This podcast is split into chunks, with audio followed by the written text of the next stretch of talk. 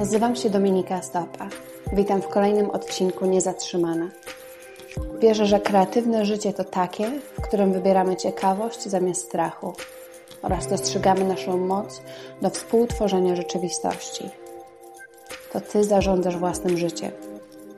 Jesteś niezatrzymany. Poprzednim odcinku mówiłam o zmianie i wypychaniu się ze strefy komfortu. Mam nadzieję, że zaczęłyście praktykować, że wypychacie się po, krok po kroczku, że przynosi to jakieś pierwsze efekty.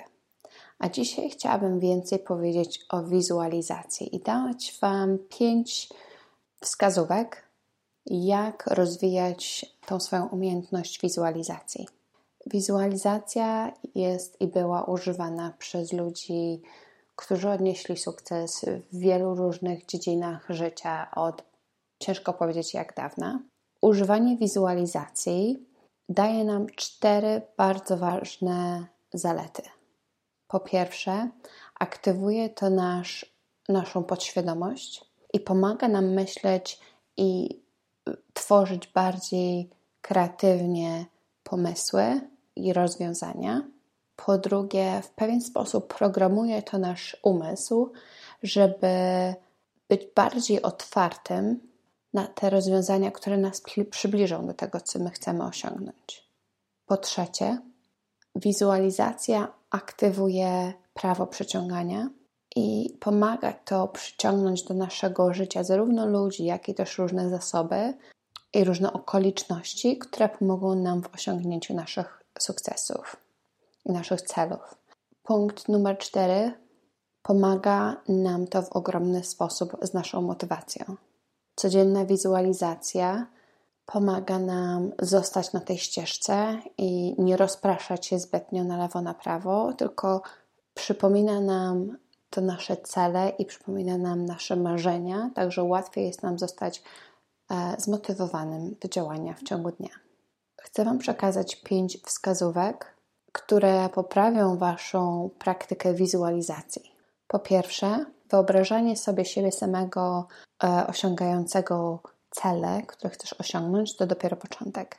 Najlepiej jest wyobrażać sobie i wizualizować swoje życie jakby w całości, włączając to wszystkie zmiany, które będą rezultatem e, osiągniętych celów.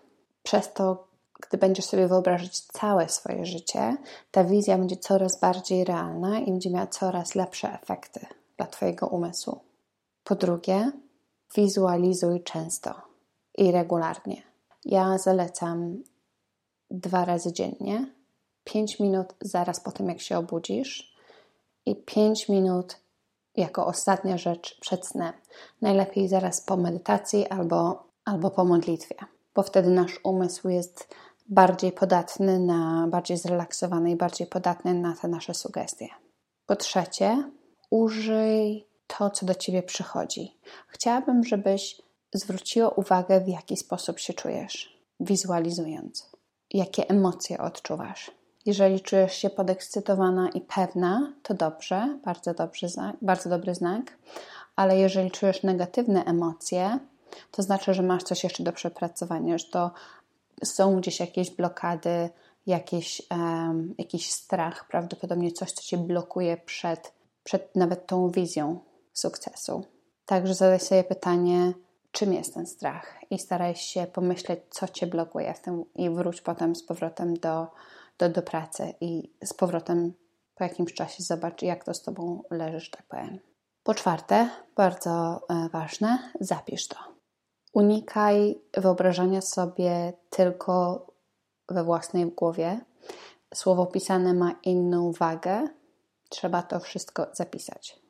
E, zalecałabym raz w tygodniu zapisz w notesie czy w dzienniku, zapisz swoją wizję w największych możliwych szczegółach, a przede wszystkim jak będziesz się czuła, jak będzie Twoje życie wyglądało.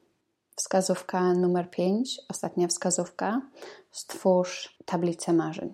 W ostatnim odcinku już zaczęłam, wspomniałam też o tworzeniu e, tablicy marzeń. Jak to zrobić? Jest wiele sposobów, nie ma gorszego, e, gorszej albo lepszej metody. Niektórzy robią to na komputerze, niektórzy robią to gromadząc różne magazyny i wycinając urywki, robiąc tak zwany kolaż na papierze. E, możesz sobie wydrukować też, powiedzmy, konkrety, które chcesz, jeżeli jest to nowy samochód, jeżeli jest to coś konkretnego, co można znaleźć, to właściwe zdjęcie, może dom, jaki, e, jaki ci się marzy, e, ale też bardzo ważne, żebyś zapisała słowa kluczowe, takie silne słowa, jak chcesz się czuć. Na przykład szczęśliwa, spełniona, kwitnąca, jakkolwiek chcesz się czuć. Na koniec chciałabym powiedzieć, że oczywiście bardzo ważne jest, żeby mieć cele i żeby mieć tą wizję przyszłości, ale uważaj, żeby nie wpaść w taką pułapkę, że ty będziesz żyć tą przyszłością. 5-10 minut dziennie wystarczy na wizualizację, niech to będzie Twoja rutyna, ale cokolwiek robisz w ciągu dnia, staraj się być obecna. Jeżeli ciężko Ci wrócić do chwili obecnej, postaraj się skupić na jakiejś części ciała, na przykład na oddechu albo na tym, jak się czuję teraz moje ciało, jakie mam odczucia w brzuchu, na plecach. Skup się po prostu na tych odczuciach, które masz tu i teraz w organizmie, i to ci pomoże wrócić do chwili obecnej. Z całego serca dziękuję za wysłuchanie tego odcinka Niezatrzymana. Po więcej materiałów zachęcam do odwiedzenia mojej strony internetowej dominikastopa.com.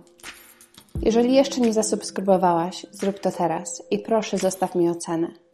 Uwielbiam oglądać Wasze posty na Instagramie i na Facebooku. Dołącz do mnie już za tydzień w kolejnym odcinku. Dziękuję, że jesteś.